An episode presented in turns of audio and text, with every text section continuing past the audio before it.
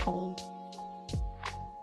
Şokoladla bağlı ümumi olaraq belə bir fikir var, hansı ki, əminəm ki, ən az 10 nəfərdən 9-u bunu eşidibdir ki, şokolad bizi xoşbəxt edir. E, əslində müəyyən qədər bunda həqiqət də var, müəyyən qədər mif də var. E, ümumi olaraq izah etmək lazımdır, şokolad niyə bizi xoşbəxt edir, onun sözsüz tərkibinə baxmaq lazımdır. Şokolad ümumi olaraq tərkib olaraq əsasən kakaodan ibarətdir, kakao və şəkər. Kakao ümumi olaraq özü acı bir qidadır və buna müəyyən qədər kakao da ayrı satılır məsələn. Həmin onun dadına baxaraq da bilə bilərsiniz. Yəni kakao özündə acı bir qidadır. Onun içinə tonla şəkər qoyulur qoyurlar və bizə şokolad olaraq verirlər ki, bizə şirin bir şey yeyək. Əslində şokoladın xoşbəxt etməyini istəyirsinizsə, e, bitter şokolad dediyimiz hansı ki tərkibində kakao miqdarı 70, 80, 90%, hansı ki kakao miqdarı artdıqca həmin şokoladın dəyəri də artacaqdır, yəni qiyməti. Ümumi olaraq bu qədər yüksək kakaosu olan şokolad növlərinə üstünlük vermək lazımdır. Çünki əslində şokoladla bağlı olan bütün xeyirli hissəsi hamısı kakaoya aid olan hissəsidir. Yəni şokoladın bütün xeyirləri kakaodan gəlir, başqa bir şeydən gəlmir. Çünki şokoladın qalan hissəsi sadəcə şəkərdən ibarətdir əlbəttə südlü şokoladla süd və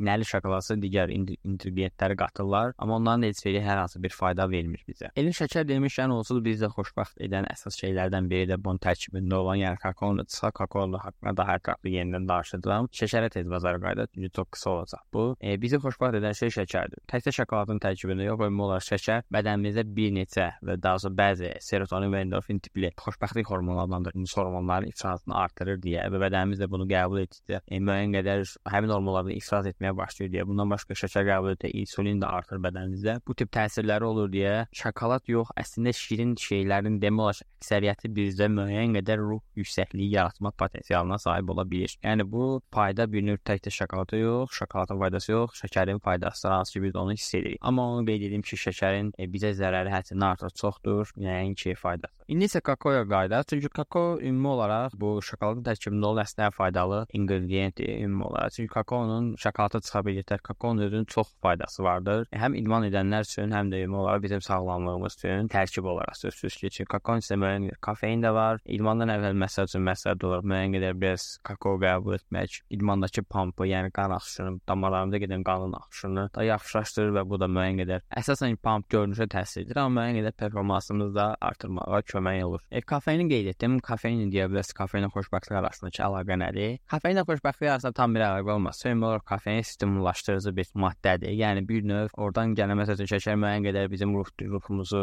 daha sonra ruh düşündüyümüzü qaldırır biraz yuxarıya, modumuzu qaldırır. E, kofein də stimullaşdırıcı olduğu üçün bir növ bizim yenidən bir növ oyadır beynimizi. Bu da həmin o digər maddələrin də verdiyi xoşbəxtlik hissi ilə belədir. Yəni hamısı bir yerdə miks olur və bizə dırnaq içində müəyyən qısa müddətli bir xoşbəxtlik hissi bəxş edir ümumi olaraq şokolad. Ümumi olaraq nəticəyə gəlsək, qısa cavab olaraq bəli, şokolad günün sonunda bizi xoşbəxt edən e, qidalardan biridir, amma bu xoşbəxtlik çox qısa müddətli olacağına əmin ola bilərsiniz. Yəni əgər və bu xoşbəxtlik də yəni əgər e, mod, ümumi olaraq həmin anki ruh yüksəkliyiniz normaldadırsa, müəyyən qədər bir boost effekt verib onu daha da yaxşılaşdıra bilər. Yəni depressiyadasınızsa və şokolad yeyərək depressiyadan çıxmağa qətiyyən gözləməyin. Yəni qətiyyən bir faydası olmayacaqdır ona əminliklə deyə bilərəm. Amma onu mütləq qeyd etməliyəm ki, mütləq və mütləq əgər şokolad yeyəcəksə, həmişə bitter şokoladlara, yəni acı şokoladlara dırnaq içində. Yönəlin kakaosu tərkibindəki olan kakaonun faizi, hansı ki çox zaman üstlərinə yazılır və ən axır ən azından arxasını çevirib tərkibini oxumaqla da bilə bilərsiniz. Kakao nə qədər yüksəkdirsə, o qədər həmin şokolad daha yaxşıdır, amma həmçinin də qeynindən qeyd edim ki, qiymət də ona uyğun olaraq daha yüksək olacaqdır. Yüksək kakao şokoladlara yönəlməyə çalışın. Ümumi olaraq isə şəkərdən və şokoladdan nə qədər uzaq qalsaz, günün sonunda o qədər xoşbəxt olacağınıza əmin ola bilərsiniz. Çünki e, xoşbəxtlik həmçinin bizim e, mədəmizdə də müəyyən qədər ifraz olunan hormonlardan aiddir. Səhv etmirəmsə, bu əsasında serotonin hansı ki, əgər mədə bağırsağımızda bir problem varsa, bu hormonun ifrazında problemlə yaranır və bu bizim özümüzü depressiyaya yönəlməyimizə etməyimizə səbəb ola bilər.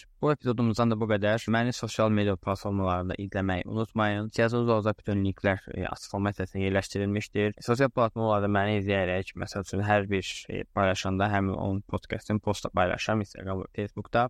Həmin postların altında həmin epizodla bağlı fikirlərinizi qeyd edə bilərsiniz. Mənə suallar verə bilərsiniz. Həmçinin də ümumi olaraq mənim kim olduğumu və düzəllərin də kim olduğu haqqında qısa bir məlumat ala bilərsiniz. Özünüzə yaxşı baxın. Hələlik görüşənədək.